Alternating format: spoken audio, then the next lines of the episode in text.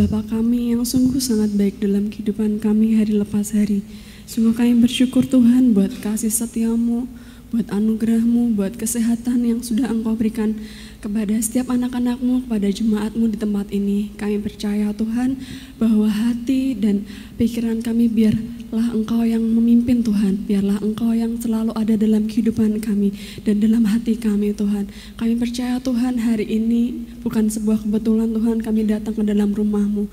Hari ini kami ada di gereja ini karena anugerahmu, karena rencanamu Tuhan. Karena kami haus dan rindu akan firmanmu.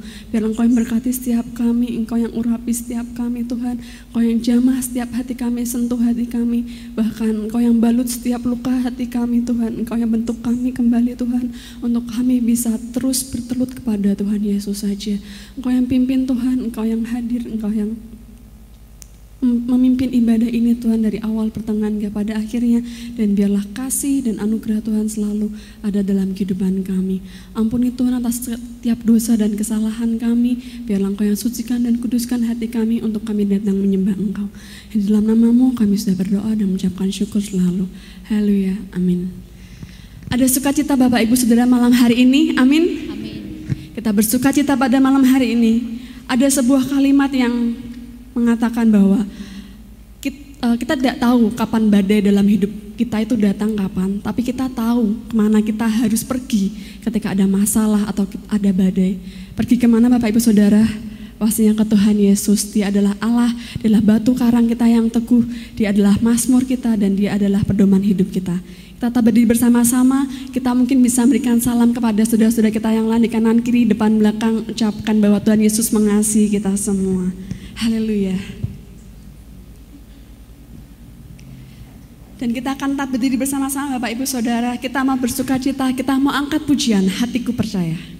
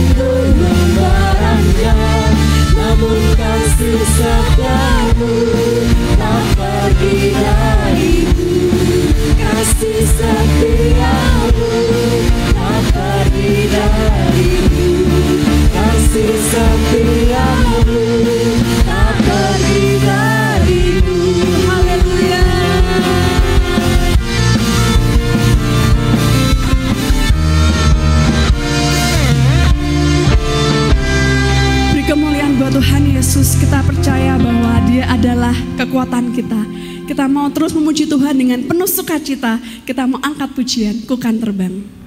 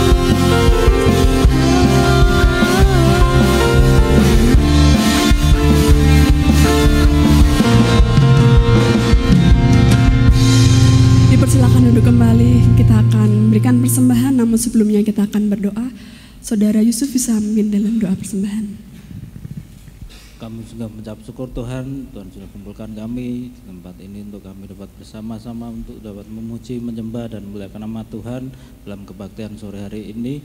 Dan saat ini Tuhan kami akan mengembalikan berkat yang Tuhan sudah nyatakan dalam hidup kami melalui persembahan dan persepuluhan kami. Tuhan yang Tuhan yang sucikan, Tuhan yang kuduskan persembahan kami ini. Hanya persembahan kami dapat layak dan berkenan di hadapan-Mu dan kiranya dapat menjadi alat buat kerjaan Tuhan di gereja ini. Terima kasih Tuhan Yesus, inilah ucapan syukur kami, korban syukur kami, kami naikkan dalam tangan kuat kuasamu, haleluya puji Tuhan, amin. Bersama kita angkat pujian Sungai Sukacitamu. Sungai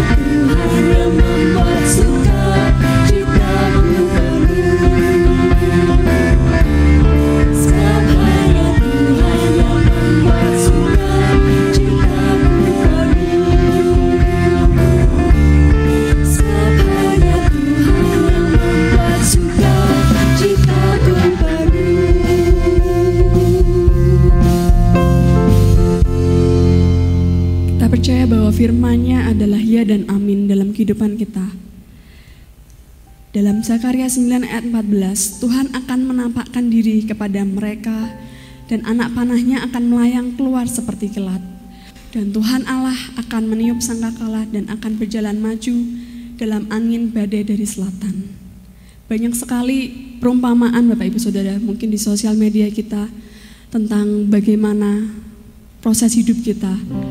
Ada seperti ilustrasi, gambar kita akan melewati gunung yang tinggi ketika di zoom in, tapi ketika di zoom out itu banyak banyak juga gunung yang tinggi yang sudah kita lalui.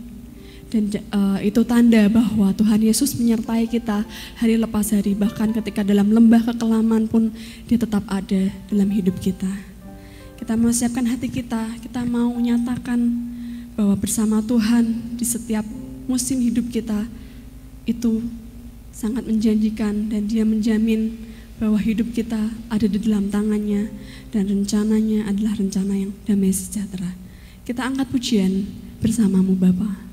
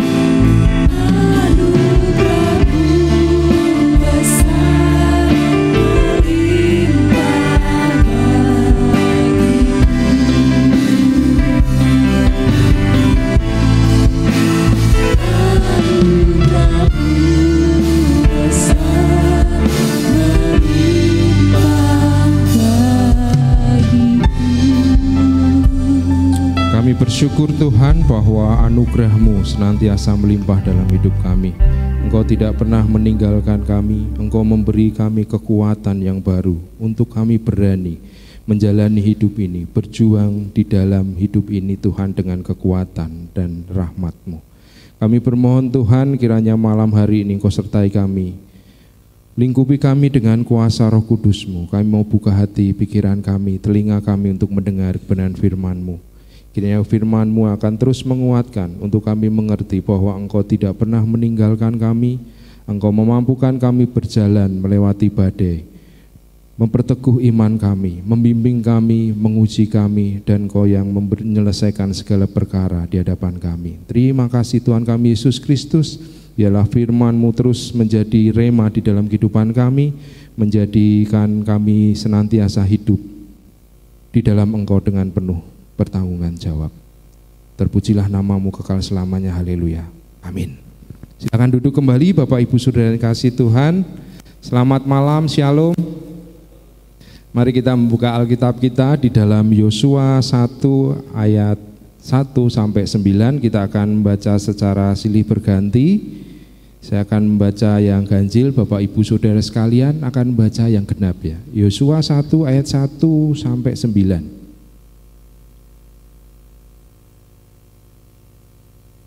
Sudah ketemu Bapak Ibu Saudara sekalian Yosua 1 ayat 1 sampai 9 saya akan mulai ayat yang pertama.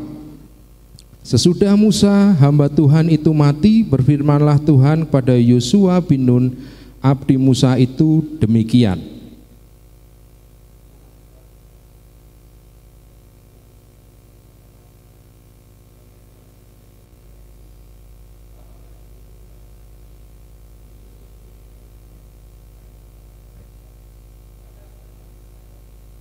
Setiap tempat yang akan diinjak oleh telapak kakimu kuberikan kepada kamu seperti yang telah kujanjikan pada Musa.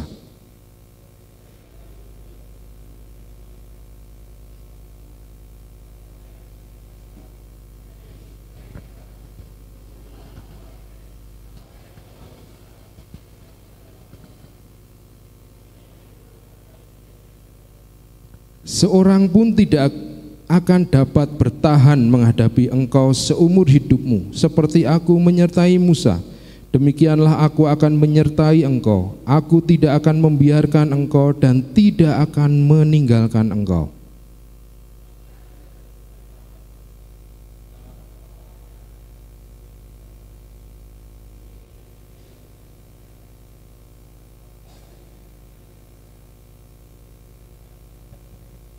Hanya kuatkan dan teguhkanlah hatimu dengan sungguh-sungguh. Bertindaklah hati-hati sesuai dengan seluruh hukum yang telah diperintahkan kepadamu oleh hambaku Musa.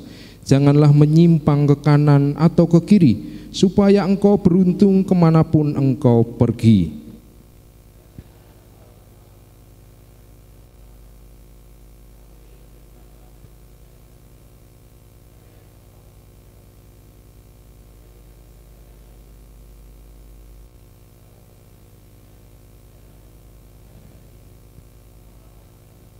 Bersama-sama ayat 9, bukankah telah kuperintahkan kepadamu, kuatkan dan teguhkanlah hatimu, janganlah kecut dan tawar hati, sebab Tuhan Allahmu menyertai engkau ke mana pun engkau pergi. Bapak Ibu yang dikasih Tuhan, tema khotbah saya pada malam hari ini saya beri judul dengan pejuang-pejuang Allah.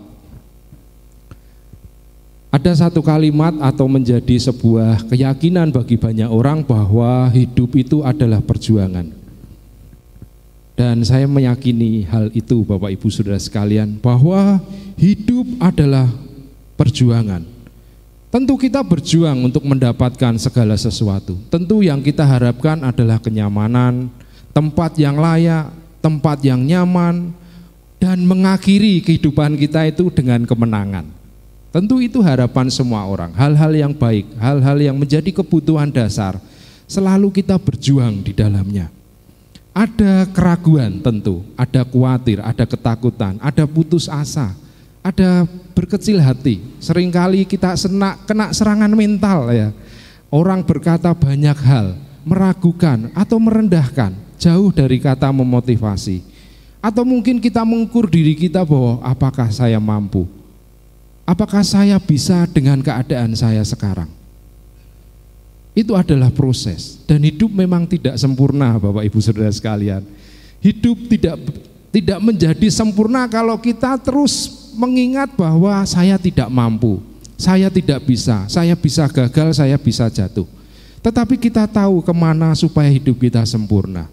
Dan tentu saja apa yang kita miliki, apa yang menjadi kekuatan iman kita, kita mau bersandar kepada Tuhan. Dia yang akan menyempurnakan hidup kita ketika kita mau berjalan bersama Dia. Ketika Ia mau memproses hidup kita, ketika kita mau bergantung dan kita meminta tolong akan setiap pertolongannya. Karena hanya Dia yang memberikan kekuatan kepada kita untuk menjadi pejuang-pejuang di hadapan Allah selama kita diberi kesempatan untuk hidup di dunia ini Bapak Ibu Saudara sekalian. Jadi jangan pernah mengandalkan diri sendiri, selalu akan hasilnya negatif ya. Saya selalu mengalami hal tersebut. Ya saya menyadari bahwa tidak sempurna. Saya kadang terkena serangan mental ya. Ada orang yang saya anggap sebagai orang yang bisa membantu, memotivasi, oh ternyata malah merendahkan, ternyata malah menghina. Aduh gimana ini? Tetapi saya tahu bahwa saya harus datang kepada pribadi yang tepat. Dan lewat pembacaan kita pada malam hari ini Bapak Ibu Saudara sekalian kita diingatkan bahwa kisah Joshua yang akan memasuki tanah perjanjian Allah memberikan sebuah janji tindakan yang nyata sebagai pengingat bahwa Joshua harus siap menghadapi itu. Dan kita akan melihat Bapak Ibu Saudara sekalian apa yang kita baca pada malam hari ini bahwa ada tindakan Allah yang dikatakan pada Yosua dan tentu saja pada kita hari ini untuk berani maju ke depan menjadi pejuang-pejuang Allah yang sejati menghadapi hidup ini. Yang pertama kita perhatikan ayat yang ketiga Bapak Ibu Saudara yang dikasih Tuhan, setiap tempat yang akan diinjak oleh telapak kakimu, kuberikan kepada kamu, seperti yang telah kujanjikan kepada Musa.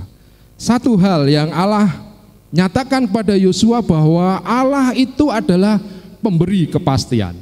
Ya, ke, pemberi kepastian. Allah kita bukan pribadi yang PHP. Anda tahu PHP? Ya. Atau Anda menjadi pelaku PHP atau korban PHP? Allah kita tidak seperti itu, Bapak Ibu Saudara sekalian. Janjinya itu pasti. Apa yang dikatakan pada Yosua, setiap tempat yang akan diinjak oleh telapak kakimu, ku berikan pada kamu seperti yang telah kujanjikan kepada Musa. Kalau kita punya Allah yang memberikan janji yang pasti, kita anak-anaknya jangan sering PHP ke sesama kita. Bertobat Bapak Ibu Saudara sekalian, kalau kita janji tidak pernah menepatinya, kita banyak janji, minim kenyataannya ya. Jadi bertobat. Karena itu bisa, bisa bikin trauma. Pelayan-pelayan Tuhan jangan sering PHP, bikin trauma pengikutnya, bikin trauma kawanan-kawanannya. Apa yang dikatakan harus dipastikan, sudah berani berjanji seperti Allah kita. Bahwa Allah memberi kepastian. Allah kita adalah Allah yang tidak pernah ingkar janji. Karena janjinya itu firmannya. Jadi ini bukan hanya perkataan, tetapi ini firman. Firman yang dikatakan oleh Allah tidak akan pernah kembali dengan sia-sia Dikatakan bahwa firmannya ya dan amin. Kita tahu firmannya ya dan amin. Allah berfirman, amin pasti terjadi. Itu perlu kita tahu. Saat kita mengetahui bahwa firman Allah itu ya dan amin, maka kita perlu mengetahui bahwa ketika ia berfirman, maka pasti terjadi. Kalau kita melihat 1 Petrus 3 ayat 9 dikatakan bahwa Tuhan tidak lalai akan janjinya. Tuhan tidak akan lalai kepada janjinya. Jadi ketika Allah berkata kepada Yosua untuk menggantikan kepemimpinan Musa di ayat 1 sampai kedua, Yosua harus bersiap diri untuk memasuki tanah perjanjian. Allah berkomitmen bahwa setiap tempat akan kuberikan padamu seperti yang diberikan kepada Musa. Jadi Yosua juga menerima janji seperti yang dikatakan Allah kepada Musa. Itu adalah janji yang dipertegas janji yang dipertegas atau komitmen Allah untuk memberikan janji yang sama diberikan kepada Musa. Tetapi dalam konteks saat ini tentu janji ini tidak sama Bapak Ibu Saudara sekalian. Jangan mengklaim ini bahwa Joshua pernah berkata, Allah pernah berkata kepada Yosua bahwa tempat yang kamu pijak akan menjadi milikmu itu celaka saudara. Kalau klaim janji ini dinyatakan dalam konteks saat ini. Tetapi jika kita mau melihat sisi yang lain bahwa saya tidak sedang membawa Anda untuk mengklaim janji ini, tetapi Anda perlu melihat bahwa janji Allah itu pasti. Janji Allah itu pasti. Untuk setiap umatnya, ia memegang janjinya, ia setia kepada janjinya. Dunia berubah. Ya Bapak Ibu Saudara sekalian, dunia itu berubah dengan cepat. Segalanya berubah dengan tempo yang cepat. Mau bersiap untuk ini, oh ternyata beda lagi kita susah mau hidup harus bagaimana kalau kita ngikutin dunia ini. Tetapi mari kita mengikuti janji Allah. Kita mau memandang kepada janji Allah supaya tidak ada kekecewaan, supaya tidak ada putus asa, supaya tidak ada kegagalan yang menghantui hidup kita sebagai orang percaya. Pegang janji Tuhan, bersandar padanya, janjinya tak pernah gagal. Di Yosua 21 ayat 45 dikatakan bahwa Allah menepati semua yang dikatakan kepada Musa dan Yosua. Luar biasa. Allah menepati janjinya. Ibrani 10 ayat 23 bahwa dinyatakan janjinya tak pernah gagal. Marilah kita teguh berpegang pada pengakuan tentang pengharapan kita sebab ia yang menjanjikannya setia. Mempercayai perkataan firman ini membuat kita mampu melangkah untuk menatap masa depan hari esok yang akan kita jalani Bapak Ibu Saudara sekalian. Jadi mari pegang janji Tuhan yang pertama bahwa ini adalah janji Allah, firman Allah. Allah berjanji dengan segala kepastiannya akan berkomitmen untuk kita. Tentu ia memberikan kita berkat-berkat jasmani dan rohani. Saya dalam konteks ini sering kali berkata seperti Tuhan, saya itu pengen punya rumah pengen punya tanah, bangun rumah sendiri ya untuk keluarga. Dan mari kita imani janjinya bahwa Tuhan mampu mencukupkan segala kebutuhan kita asal kita mau memegang janji itu Bapak Ibu Saudara sekalian. Yang kedua, Allah memberikan perlindungannya. Di ayat yang kelima mari kita perhatikan Bapak Ibu Saudara sekalian, seorang pun tidak akan dapat bertahan menghadapi engkau seumur hidupmu. Seperti aku menyertai Musa, demikianlah aku akan menyertai engkau. Aku tidak akan membiarkan engkau dan tidak akan meninggalkan engkau. Dari ayat ini kita belajar bahwa ketika Allah di pihak kita, siapa lawan kita? Ketika kita tahu ke tempat mana kita berlindung, ketika kita tahu kita berjalan dengan siapa, bahwa kita bisa bertahan, bahwa perlindungan Allah itu sampai akhir. Dikatakan seorang pun tidak akan bertahan menghadapi engkau seumur hidupmu. Perlindungan Allah sampai pada akhirnya Bapak Ibu Saudara sekalian. Bukan saja perkataan ini diucapkan oleh Allah tetapi juga dibuktikan dengan kehadirannya. Aku akan menyertai engkau. Aku tidak akan membiarkan engkau. Aku tidak akan meninggalkan engkau. Luar biasa Allah berjanji kepada Joshua tiga kali dikatakan komitmennya untuk melindungi Yosua dan bangsa Israel. Ketika Yosua siap sebagai pelayan Tuhan, sebagai anak-anak Tuhan menjalani kehidupan yang baru, masa depan yang baru untuk masuk ke tanah perjanjian selepas kepemimpinan Musa. Janji Allah luar biasa. Allah memberikan perlindungannya, perlindungannya sampai akhir. Dan perlindungannya menyeluruh baik jasmani dan rohani kita Bapak Ibu Saudara sekalian kita melihat bahwa Allah itu punya sifat omni, omnipresent. Allah hadir terus-menerus di dalam hidup Anda. Ia bukan hanya hadir sesekali. Ia bukan hadir kalau ia mau menemani Anda. Ia hadir terus-menerus di dalam ciptaannya, tidak terbatas oleh ruang dan waktu. Ia membimbing dan memperhatikan kita. Perlindungannya menyeluruh Bapak Ibu Saudara sekalian. Ia bukan hanya menangkal segala hal yang akan menimpa kita, tetapi perlindungannya juga membimbing kita, memperhatikan segala apa yang kita perlukan. Aku akan menyertai engkau, aku tidak akan membiarkan engkau dan tidak akan meninggalkan engkau. Ada aspek rohani dalam perlindungan Allah. Ketika kita berjalan di dalam badai, sesuai tema kita bulan ini, ia menguatkan rohani kita. Ia memberikan kita kedamaian menghadapi badai. Ia memberikan kita kekuatan, ada damai sejahtera supaya kita memiliki keberanian berjalan dalam badai yang melanda hidup kita. Apakah yang perlu kita cemaskan? Ketika Allah dengan sungguh-sungguh berkomitmen, berjanji, aku tidak akan meninggalkan engkau, aku menyertai engkau, aku sekali-kali tidak akan meninggalkan engkau. Apakah kita masih tidak berani melangkah? Apakah kita tidak ber, mampu bersiap diri menghadapi kehidupan ini? Apakah masa depan begitu suram dalam hidup kita? Mungkin yang kita pandang saat ini, saya tidak mampu, saya tidak punya ini dan itu.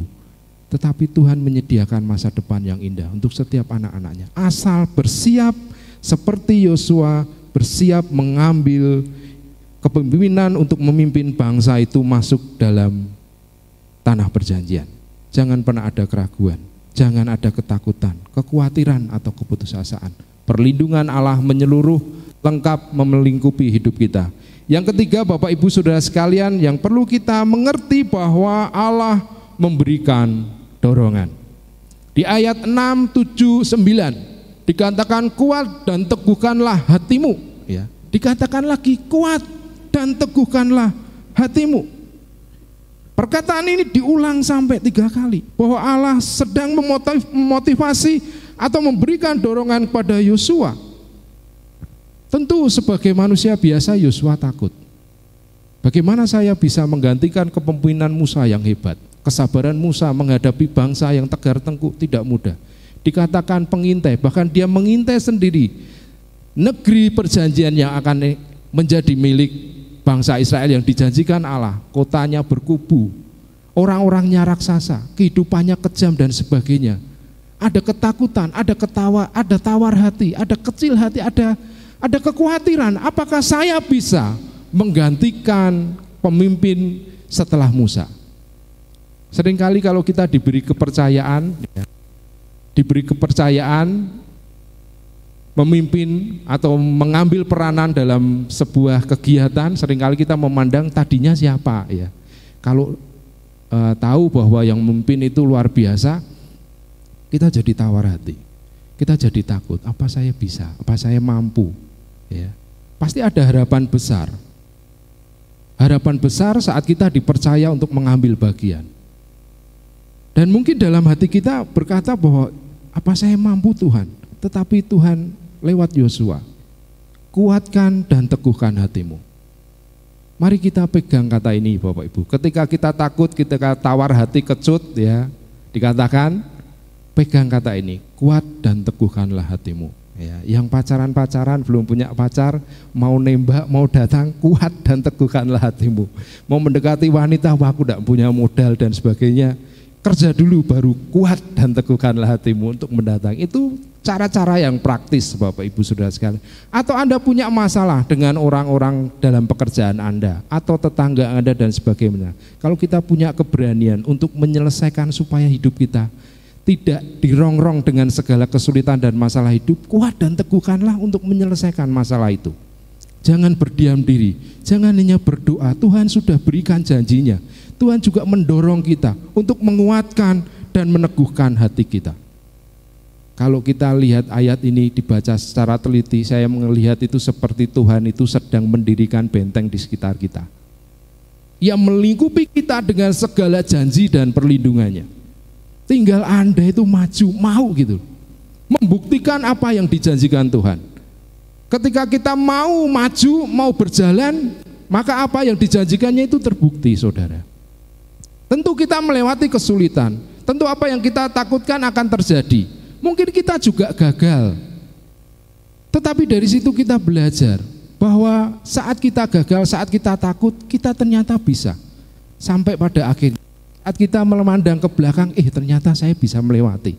Banyak orang pandemi Covid bingung dan sebagainya. Tetapi kalau kita melihat ke belakang, ternyata saya bisa melewati ini. Pada waktu itu banyak ketakutan, banyak kegagalan, banyak keberangkutan, keberangkutan dan sebagainya, ada sakit, penyakit dan sebagainya. Tetapi kalau ditengok ke belakang lagi, ya ternyata saya bisa melewati.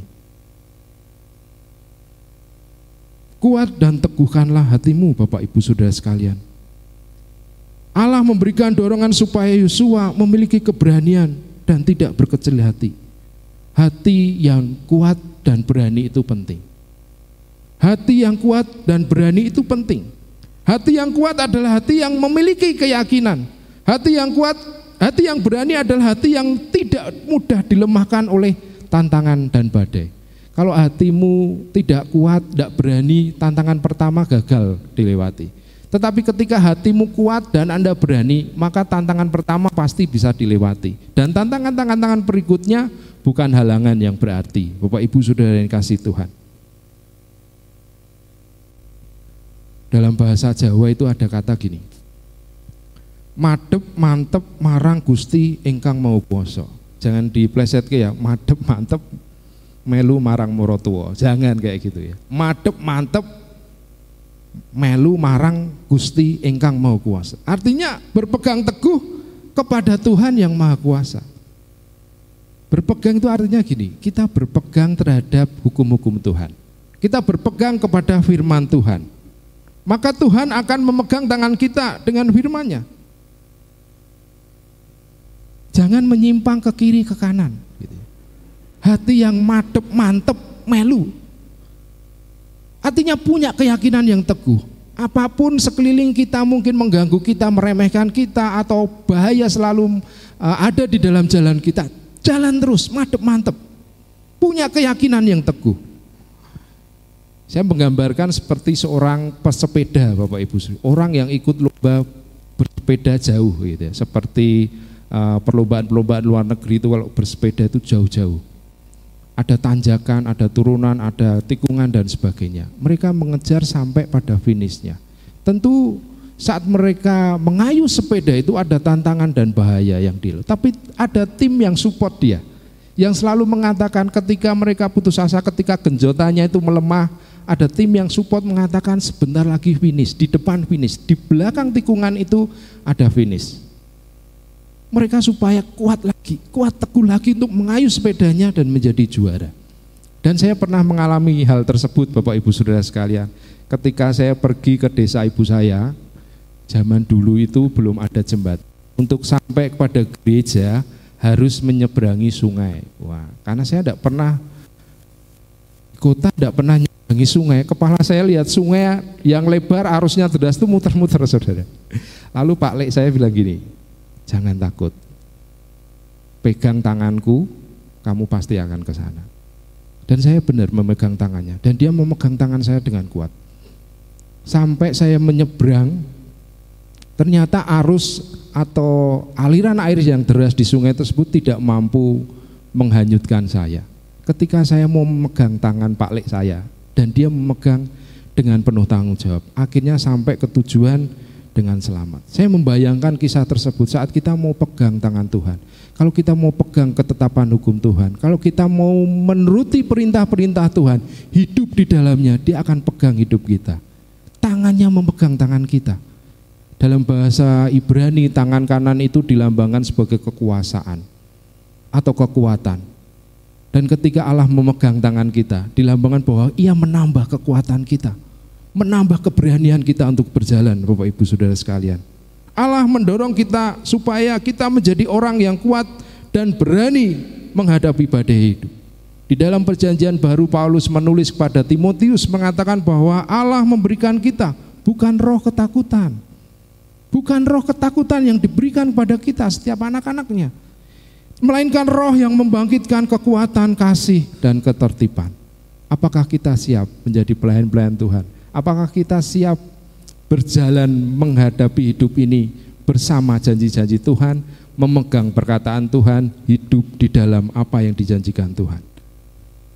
Mari kita renungkan Bapak Ibu Saudara sekalian, bahwa ketika ia berjanji, ketika ia memberikannya, seperti ia memberikannya kepada Musa dan Joshua, ia juga memberikannya kepada kita.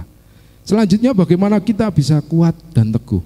Ayat 8 mari kita baca sama-sama Bapak Ibu Saudara sekalian. Ayat 8 ini harus jadi kekuatan kita, gaya hidup kita, jadi apa yang perlu kita lakukan saat kita menghadapi segala masalah supaya kita bisa kuat, kita punya motivasi dan berani. Ayat 1 sampai 8, ayat 1 ayat 1 ayat 8 pasal 1 ayat 8 maaf kita baca sama-sama ya. 1 2 3. Janganlah engkau lupa memperkatakan kitab Taurat ini tetapi renungkanlah itu siang dan malam, supaya engkau bertindak hati-hati sesuai dengan segala yang tertulis di dalamnya. Sebab dengan demikian perjalananmu akan berhasil dan engkau akan beruntung. Firman Tuhan, perkataan itu jangan jauh dari mulut kita. Firman Tuhan harus menjadi ciri ucapan kita. Ketika kita merasa putus asa, kita gagal, kita mau pegang kata Tuhan, aku mau kuat, Tuhan kuatkan dan teguhkanlah hatiku. Menjadi ciri ucapan kita, menjadi motivasi di dalam hidup kita. Seringkali kita mencari kata-kata yang indah dari filsafat-filsafat dunia ini. Mungkin kita sering kali yang di TikTok atau di media sosial, kata-kata hari ini apa gitu ya jadi motivasi, wah kita lakukan. Tapi jarang, kata-kata hari ini yang keluar firman Tuhan jarang Bapak Ibu Saudara sekalian. Kalau kita tidak pernah memperkatakan kata-kata firman Tuhan, kalau kita tidak pernah membaca, merenungkan, pikiran kita tidak dikuasai firman Tuhan. Dikatakan siang dan malam, itu bukan bicaranya soal waktu, itu bicara tentang bagaimana secara terus-menerus hidup kita selalu merenungkan kebenaran firman Tuhan. Hingga firman itu menggema di dalam setiap kehidupan kita. Secara tidak sadar mempengaruhi mempengaruhi hidup kita. Ketika kita mau merenungkan firman Tuhan, maka firman Tuhan itu mengendalikan pikiran kita. Yang ketiga, firman Tuhan harus mengarahkan perilaku kita supaya kita bertindak hati-hati sesuai dengan segala yang tertulis di dalamnya. Sebab dengan demikian perjalananmu akan berhasil dan engkau akan beruntung. Pegang janji ini Bapak Ibu Saudara. Dan ini jadi sikap kita. Menjadi ciri ucapan kita, mengendalikan pikiran kita, mengarahkan perilaku kita, firman itu ada di dalam hidup kita. Apakah kita mau dikendalikan firman Tuhan? Ketika kita mau dikendalikan, menjadi gaya hidup kita, firman adalah penghiburan yang dapat memotivasi kita saat kita putus asa, saat kita takut gagal, saat kita merasa tak mampu. Diingatkan seperti Yosua, ia punya ketakutan, ia menggantikan pemimpin yang besar, ia merasa bahwa sesuatu yang akan dihadapi itu sukar. Tetapi ketika Tuhan mengingatkan, engkau harus bersiap diri. Aku melindungi engkau dengan segala apa yang kujanjikan. Pegang firmanku, bertindaklah hati-hati, jangan menyimpang ke kiri atau ke kanan, maka apa yang kujanjikan itu hidupmu akan beruntung dan berhasil. Bukankah itu adalah sesuatu yang sering kita dambakan dalam hidup ini Bapak Ibu Saudara sekalian. Baik jasmani dan rohani kita. Kita mengharapkan berjuang untuk mendapatkan hal-hal yang kita butuhkan. Dan Allah memberikan janji itu. Saat kita kuat, kita mau bersiap diri berjalan di dalam badai, kita mau mengandalkan Tuhan, kita mau pegang firman Tuhan, kita mau memperkatakan firman Tuhan untuk menjadi kekuatan motivasi kita sebagai bagian kita mengklaim janji-janji Tuhan karena ia setia, tak pernah gagal rancangannya, apalagi yang perlu kita takutkan. Yosua membuktikannya bahwa apa yang telah dijanjikannya tepat seperti yang dikatakan Allah. Amin. Mari kita berdoa.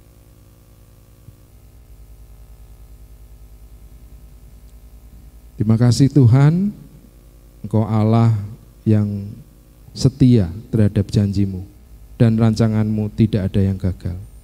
Engkau menepati dengan caramu yang ajaib. Tak pernah meninggalkan kami, Engkau menyertai, Engkau bukan hanya berkata lewat firmanmu, tetapi Engkau hadir di dalam setiap kehidupan kami. Engkau hadir di dalam setiap proses kehidupan kami dan tidak pernah meninggalkan kami, membimbing kami untuk kuat menjalani hidup ini, untuk mengingat segala kebaikan Tuhan, untuk mengingat hukum-hukum Tuhan, untuk mengingat perintah-perintah Tuhan. Biarlah kami menjadi anak-anakmu yang dapat merenungkan firman itu siang dan malam, memperkatakannya itu sebagai motivasi bagi orang-orang yang sedang mengalami kesusahan, atau bagi kekuatan jiwa kami untuk dapat terus melangkah berjalan di dalam badai.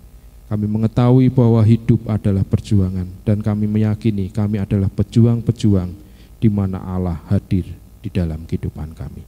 Terpujilah namamu kekal selamanya. Haleluya. Amin.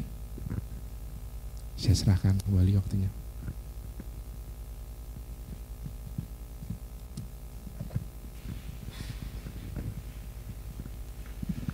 Terima kasih Diakon Junaidi sudah menyampaikan renungan untuk kepada kita, saudara-saudara. Silakan bagi setiap Anda yang mungkin rindu untuk didoakan, saudara-saudara ini kesempatan bagi Anda. Apa pun keputusan Anda, dia mendengar, dia siap berperkara dengan Anda, dia bisa menyediakan semua janji-janjinya digenapi dalam hidup saudara-saudara. Diakon Junaidi akan mendoakan Anda.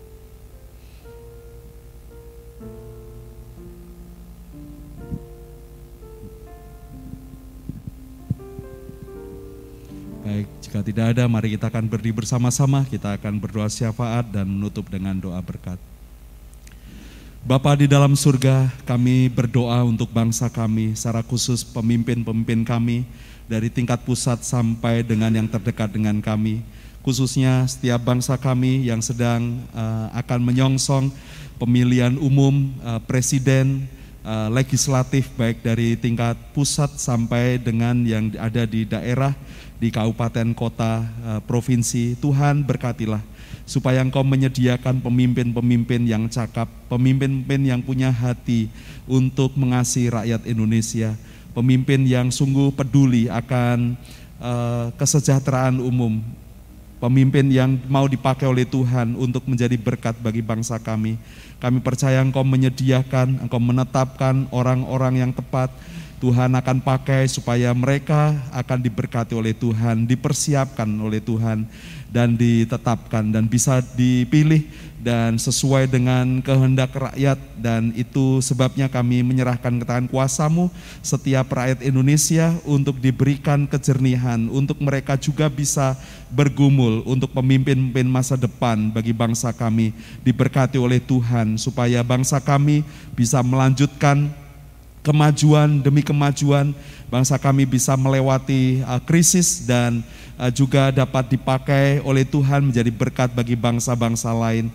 Dan kami rindu supaya gereja kami persekutuan kami setiap orang percaya yang beribadah bersama-sama melayani di gereja ini diberkati oleh Tuhan bisa mengemban misi dan diakonia di dalam gereja kami, bisa menjadi berkat bagi banyak orang, Injil Tuhan disebarluaskan, kerajaanmu diperluas, di persekutuan kami semakin kokoh, Tuhan akan memberkati, semua kami bisa bertumbuh dewasa di dalam Tuhan, untuk melayani Tuhan dengan lebih baik lagi, dan kami bermohon kepada Tuhan berkatilah supaya melalui pelayanan di gereja ini, melalui pelayanan uh, sekolah, Sivitas sekolah kami, juga compassion kami, PPA kami, supaya kami semua setiap orang yang ada di dalamnya mengerti akan panggilan Tuhan, menyadari bagaimana mereka bisa menjalani dengan baik, dengan anugerah Tuhan sehingga kehidupan kami yang sesaat, yang sebentar ini bisa dipakai secara maksimal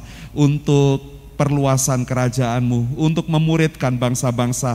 Dan setiap kami bisa bertumbuh dengan baik, dengan sehat dalam komunitas kami untuk menjadi berkat bagi dunia ini. Terima kasih Bapak, inilah doa dan permohonan kami setiap pergumulan anak-anakmu, Engkau Allah yang memberkati dan Engkau memberikan jalan keluar. Dan kami percaya akan tangan kasih kuasamu yang tidak pernah berhenti memberkati dan menolong kami. Inilah permohonan kami, doa syafaat kami di dalam nama Tuhan Yesus Kristus kami berdoa. Jemaat Tuhan pulanglah Bawalah berkat dan kasih sayang dari Bapa di dalam Tuhan Yesus Kristus dan Roh Kudus dengarkanlah dia. Maka dia akan memberikan petunjuk jalan-jalannya sehingga engkau akan diberkati, mengalami kasih dan sukacita. Kebajikan dan kemurahan Tuhan akan mengikutimu ke mana pun kau pergi. Engkau akan diberkati dengan kesehatan, perlindungan dari segala macam penyakit dan bahaya Dia akan memberkatimu dengan anak-anak dan keturunanmu akan menjadi berkat bagi bangsa-bangsa. Dia akan memeliharakan kehidupanmu secara total, melimpahkan rezeki dengan murah hati, dan setiap tangan-tanganmu yang bekerja diberikan keterampilan, keberhasilan, dan keberuntungan. Dan saksikanlah pada orang lain apa yang sudah Bapamu perbuat dalam kehidupanmu, Bapa yang ajaib, yang sungguh memberkatimu dan biarlah setiap orang melihat perbuatan Bapamu dan mereka juga menyembah Bapamu yang di sorga. Terima kasih Tuhan Yesus, inilah ibadah kami, korban syukur dan puji-pujian kami naikkan untuk Engkau saja, Yesus Kristus, Kepala Gereja kami, dari sekarang sampai selama-lamanya. Haleluya. Amin.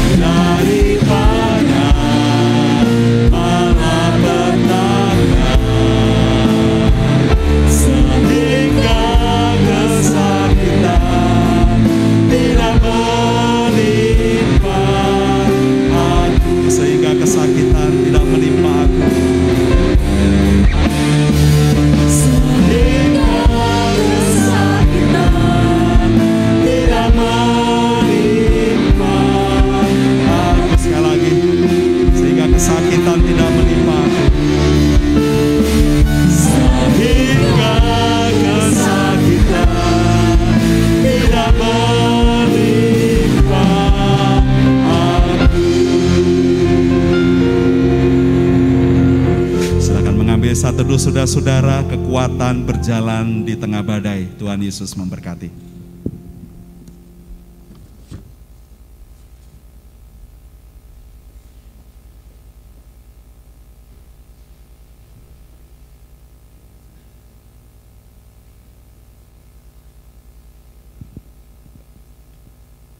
Selamat malam, Tuhan Yesus memberkati.